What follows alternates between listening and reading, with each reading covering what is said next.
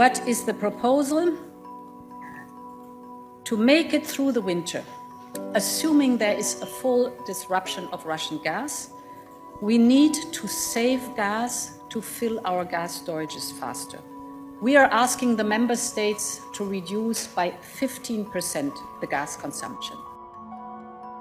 La presidenta de la Comissió Europea, Ursula von der Leyen, va advertir ja el mes de juliol que Vladimir Putin estava fent servir l'energia com a arma en la guerra d'Ucraïna i que calia estalviar un 15% del consum per fer front a la disminució de l'arribada de gas rus. Fins aleshores, Rússia era el proveïdor de prop del 40% del gas natural que consumia el bloc comunitari. Durant el primer semestre de l'any, l'estatal russa Gazprom ja havia reduït un 40% el subministrament de gas pel canal Nord Stream. Al juliol ja només n'arribava el 20% i en aquests moments el gasoducte resta inactiu.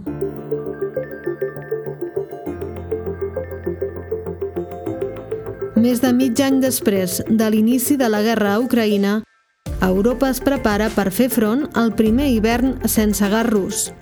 Europa i també Andorra. Hola, sóc Esther Pons i això és l'Altaveu a fons. Avui intentem entendre per què un conflicte que passa a més de 2.000 quilòmetres d'Andorra també ens afecta. Ens cal un estalvi energètic del 15%. Cada quilowatt addicional que consumim per sobre d'aquest llindar significarà o bé pèrdues per a FEDA o bé un increment major de preus per al consumidor final. La guerra, la inflació, l'escassetat de gas, tot això ha fet encarir el preu de l'electricitat. FEDA ja va haver d'aplicar un increment de tarifes de fins al 20% al mes d'abril. Ens hem acostumat els darrers mesos a sentir a parlar del preu de l'energia, del gas rus, de la necessitat d'estalviar, però sap realment la gent el motiu pel qual tots ens hem d'estrènyer el cinturó? La periodista de l'Altaveu, Alba Baró, va sortir al carrer a demanar-ho i això és el que li van respondre. O sigui, estan aprofitant que ara tot va amb electricitat per pujar els preus, per, per fer caixa, perquè si no, no, no, els, hi, no els hi anirà bé. No, está muy cara la luz. Usted lo sabrá, que pagará luz como yo. Digo yo, ¿usted no paga luz? Sí, Ah, ¿Está cara o barata? va subiendo. bueno, pues es para todos. Més, més val ara reduir una mica, pensar-ho, que no passi en el futur, no donar-te compte i dir, ostres, l'he cagat. Falta per la humanitat que redueixi una mica el que és el tema de l'electricitat perquè al fi i al cabo és necessari, perquè és algo que la gent paga molt per lo poc que es consumeix a vegades. Creo que no están muy concienciados todavía de lo que, de lo que en sí se nos viene encima. La situació no és fàcil d'entendre, ni tampoc d'explicar, però si hi ha algú que ho pot fer, és Albert Moles, director general de FEDA. Ell m'ha rebut al seu despatx a la Para Pública. Bona tarda, senyor Moles. Bona tarda. Ens agradaria saber per què és tan important el gas, perquè sobretot està centrada aquesta crisi amb la producció elèctrica per gas, per què és tan important el gas actualment en la, en la producció elèctrica? Pues a- una part de, de la crisi que tenim ara està generada per la manca de gas a Europa. Al final hi ha un dèficit de, de, de, de disponibilitat de gas a Europa de gran, de 20, 30, 40%. Clar, aquí hem de tenir en compte que el 40% del gas que gastava Europa fins ara, eh, no, no, no ara, però els darrers anys, eh, provenia de Rússia. Doncs ha fet de que avui en dia està pràcticament tancat el, tot el subministre, només queda un petit tubo a través de- d'Ucrània. Eh, pues això fa que pues, Europa trobi a faltar pues, una part del gas, eh, una, una part molt important d'aquest gas. Prova de suplir-ho amb gas natural liquat, però evidentment no s'arriba ni a fer molt menys la meitat de, la, de lo que falta, prova de suplir-ho incrementant les importacions de gas de Noruega, però tampoc s'arriba a més perquè la capacitat, i el mateix amb Argèlia, però la capacitat de, de transport també és molt petita. No? Llavors hi ha, hi ha una, la, la, la crisi energètica bàsicament és manca de gas a Europa no? I, i això fa un encariment del preu del gas, perquè al final d'alguna manera els mercats diuen que com que no hi haurà prou gas, eh, apujarem el preu fins que algú deixi de comprar. Al final és, és la llei d'oferta i la demanda. No? I aquest encariment de preu del gas afecta de ple a l'energia elèctrica. Llavors, per què afecta de ple l'energia elèctrica? Perquè l'energia elèctrica a nivell mundial el 30-40% d'aquesta energia està produïda amb carbó i el 20 i pico per cent amb gas. A nivell d'Europa, la primera energia o la primera font d'energia de producció elèctrica a Europa és el gas. El 20 i pico 30% d'aquesta energia prové de centrals de gas, no? seguit per energia nuclear, seguit per energia hidràulica i seguit per carbó, una mica de, depenent de l'any i de, de canviar una mica l'ordre. I després, evidentment, hi ha hagut un increment molt important de, de producció renovable, no? però que en cap moment ha cobert la baixada de producció d'energia deguda a, a la parada del carbó pel canvi climàtic i a la parada nuclear de diversos països que estan parant energia nuclear.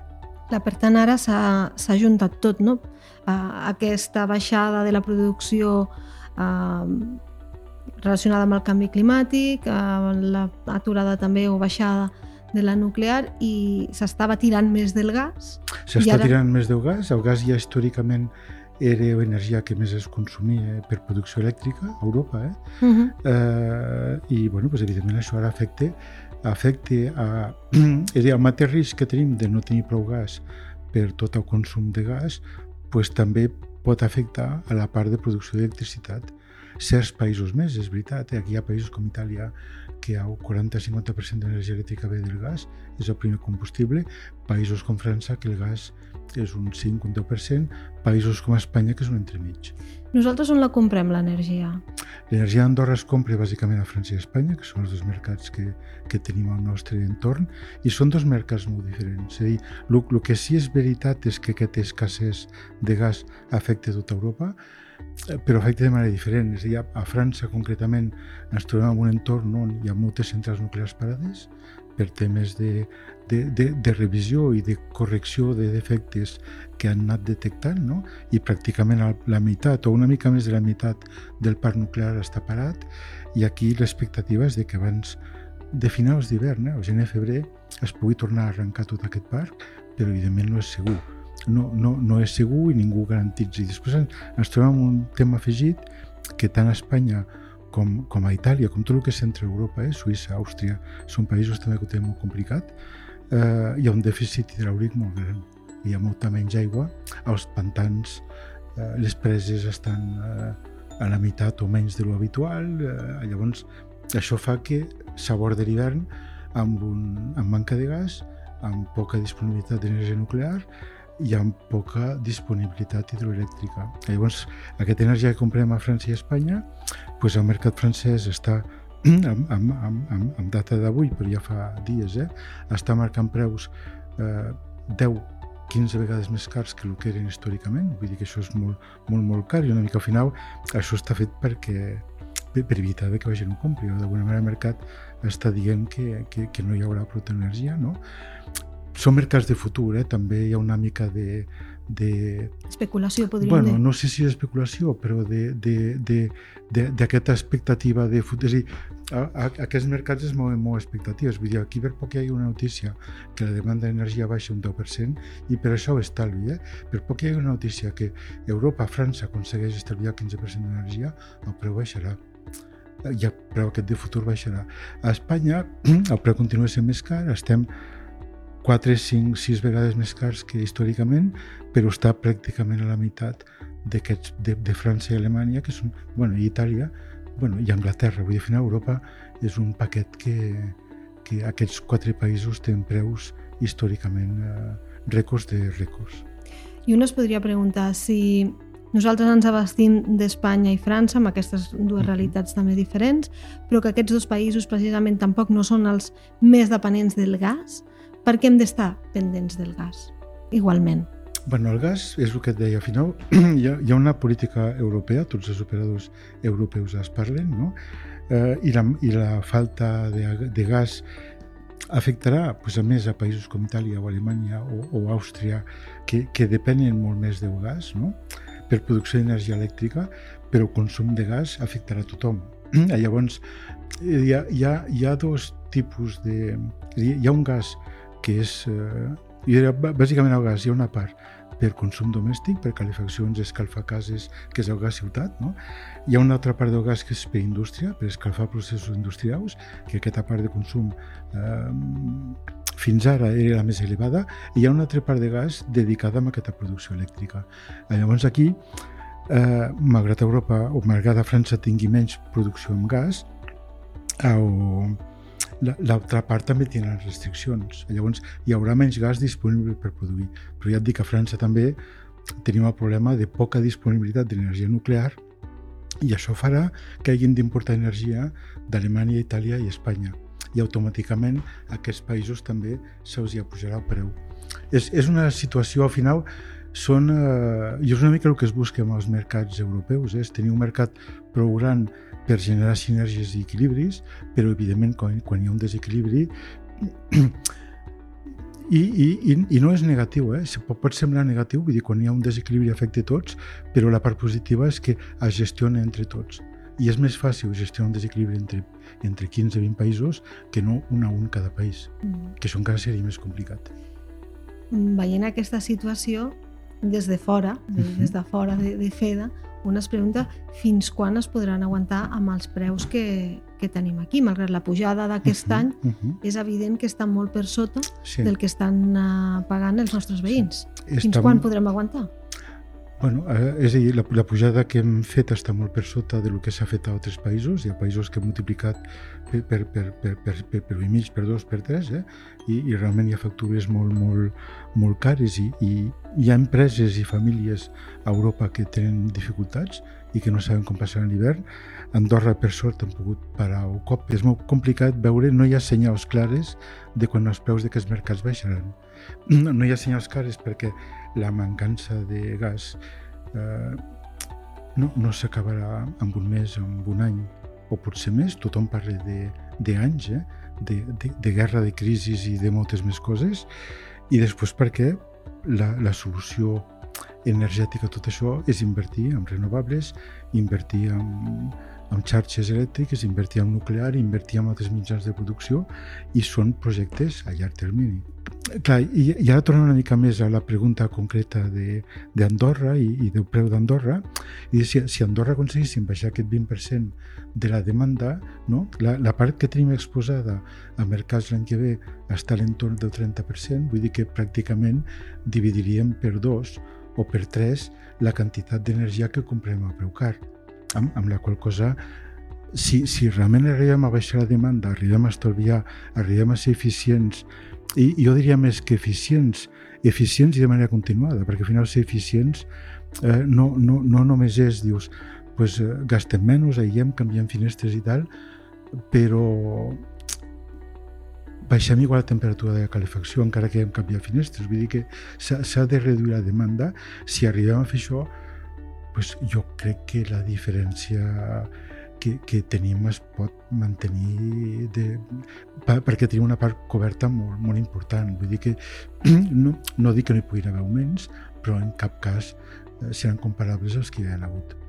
Clar, per, per mi la, la, la clau és baixar aquesta demanda, que està alineada amb aquesta possible escassez, amb aquests possibles talls de subministrament que, que hi haurà en Europa, però que també a nivell econòmic, tant pel client, perquè al final el client si baixa la demanda, eh, aquest 15-20% que baixes o, o, o redueixes la factura, però també evites que el preu s'encareixi o s'encareixi molt, o que tingui eh, amb, amb, amb la qual cosa baixa la demanda és l'eina que té Europa, és l'eina que té Andorra i per Andorra encara té més sentit. Mm -hmm. Serem capaços, eh, de, amb les mesures, de poder baixar aquesta demanda? Amb, tenint en compte també el, que anem cara al fred, no? Jo no, no sé, quan parlem de baixar la demanda ja he vist que no només era d'electricitat, també calefacció, no sé si parlem només sí. elèctrica, del... Sí. sí és tot, tot un bueno, al final, pack. Al final, uh, jo, jo diria que és tot un pack. És tot un pack perquè al final part de la, la part més gran de calefacció a Europa és gas, no? i evidentment això va directe al problema. per Andorra, evidentment, la part més gran i molt més gran és, és gasoil, però al final el gasoil també s'ha encarit i, i ja estem parlant... És, és a dir, jo, jo crec que baixar la demanda, a, a part de que és bo per, per, per, per planeta, per CO2, per, per, per tots nosaltres, eh? és, és bo per l'economia, és bo per la, per la sostenibilitat de cada empresa, de cadascú, de cada persona i, i al final eh, l'hem de baixar amb el que puguem. Mm. Jo crec que està l'ordre del dia. Hi ha una altra part que també comentava que és important, que és la d'invertir en, en renovables mm. i energia verda, cosa que també Andorra també fa temps que estem intentant fer, també per tenir aquesta part de producció pròpia, per no dependre tant d'aquests mercats que estàvem parlant fins ara. I, i la part principal de producció és la hidràulica. Uh -huh. I volia anar per aquí perquè també heu apuntat de que doncs, la sequia uh -huh. ha fet doncs, que també hagi baixat la producció hidràulica, parlo a nivell d'Europa. Eh? Sí, sí. Però com ha afectat Andorra? Perquè l'agost ja ha estat un altre tema, però el bueno, juliol ha estat el realment... El juliol ha estat molt sec, el juliol està molt sec, i des de la fosa, des de l'abril, que és un any sec, tampoc a l'hivern hi, ha, hi ha hagut neu, però tampoc excessiva. Estem en un any... Eh, eh, jo diria mig, eh, una mica per sota la mitjana. Molt, molt tampoc, però sí que estem per sota la mitjana. I, i sembla que l'agost eh, hagi plogut molt, però ha plogut molta quantitat localitzada no? i de cop. Llavors, a, a, a, dir, per, per exemple, l'aigua que captem a la presa de Ransol pues ha plogut al riu de Ransol o, o, o al riu d'Incles, però a l'altre no. Llavors és molt localitzat, baixa una mica d'aigua, baixa de cop i després es torna a secar. Vull dir que no, no és una pluja que, que diguis és que plou a tot Andorra i durant 10 hores seguides i llavors sí que et puja el cabal. El cabal no acaba de pujar. Tenim pujades i baixades, però després de la pujada ve la baixada, perquè continua estant tot sec.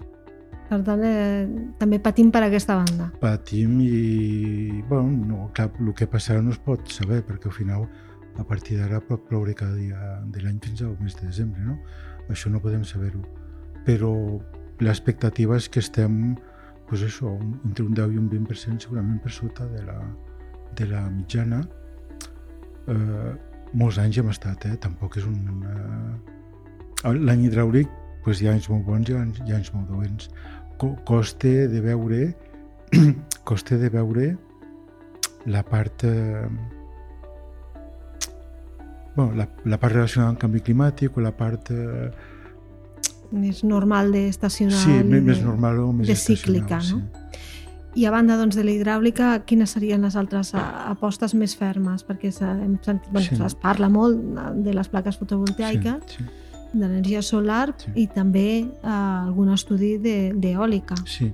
Bueno, la, al final l'energia solar i la, i, i la part d'autoconsum que s'està desenvolupant i aquí sí que hi ha hagut una crescuda els, darrers, els darrers dos anys a Andorra molt important eh, és, dir, és, una, és, una, és una eina molt important perquè al final d'alguna manera eh, és una altra manera de baixar la demanda. És dir, produïm energia solar eh, neta eh, d'alguna manera és com consumir menys no?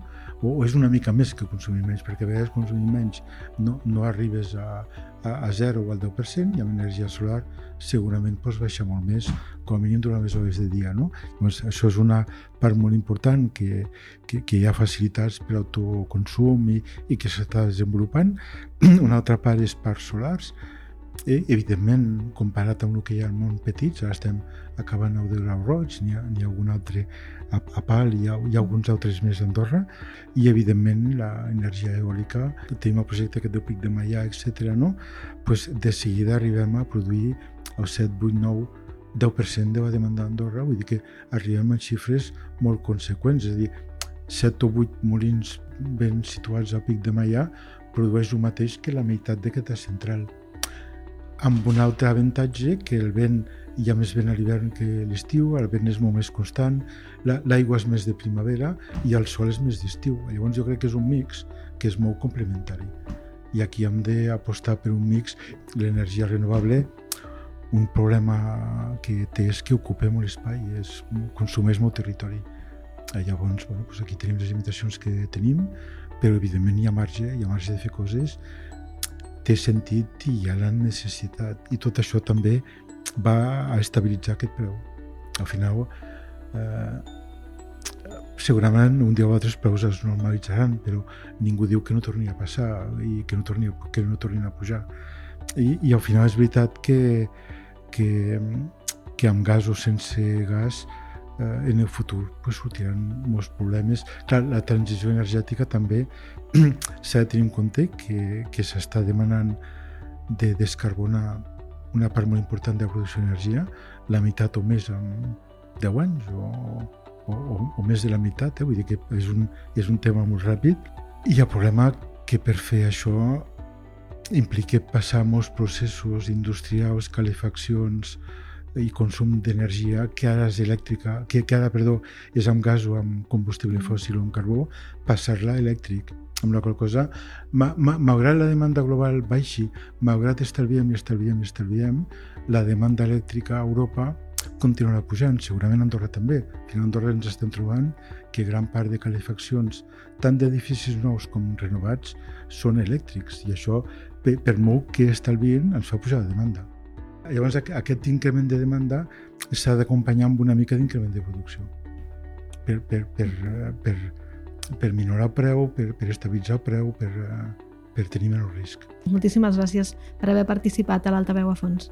Pues a, a vosaltres és un plaer. Moltes gràcies. Fins la pròxima. Merci.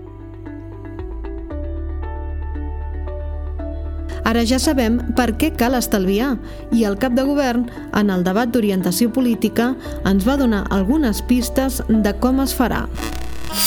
Haurem de saber renunciar a allò que és més superflu, com determinades il·luminacions de comerços i edificis públics i assumir algunes incomoditats com la disminució de la climatització en oficines i edificis de l'administració i fins i tot anar més enllà, valorant el consum energètic de les nostres activitats abans de dur-les a terme.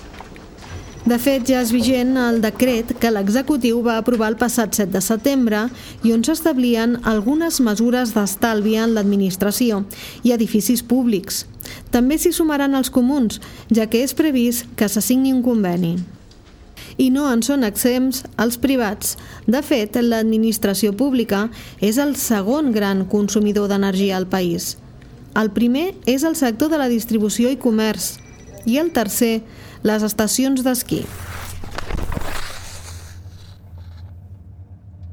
Per aquest sector, el consum elèctric suposa prop d'un 7% de la despesa i també els interessa estalviar. David Hidalgo, director general d'Encisa, fa unes setmanes va apuntar algunes possibles accions. Aquí doncs, hi ha tot un camp a recórrer per optimitzar precisament doncs, determinats remuntadors, que també va acompanyat d'una política comercial de preu dinàmic que et permetrà doncs, que, evidentment, el 21 de desembre el preu, com no pot ser d'altra manera, doncs, està en màxims, però que a mitjans finals de gener puguis esquiar per un preu més reduït, evidentment amb un producte més adaptat al que necessitis. Per tant, crec que intentarem eh, la quadratura del cercle, eh, que és fer flexible una, una infraestructura tremendament inflexible com és una, una estació d'esquí. Evidentment això no, no, ens, no ens traurà de la crisi, eh? perquè quan, quan l'escenari doncs, que, que estem eh, treballant tots doncs, té la magnitud que té, però intentarem com a mínim reduir-ne l'impacte eh, en aquests mesos que, que vindran.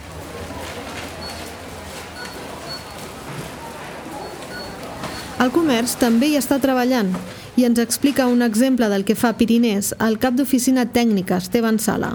El primer que hem fet, que ja està fet eh, i, i l'estem posant a prova, és pujar la temperatura interior del centre comercial. El centre comercial sempre un centre comercial que eh, primava una temperatura baixa, inclús eh, el, la temperatura ideal és molt complicada, perquè depèn, la, una gent entra, està fred, l'altre és, és eh, molt càlid, tinc calor, però a l'hora de la veritat eh, hi ha una temperatura de, de confort que, que, que és la que volem assolir i que sigui òptima a nivell de consum energètic.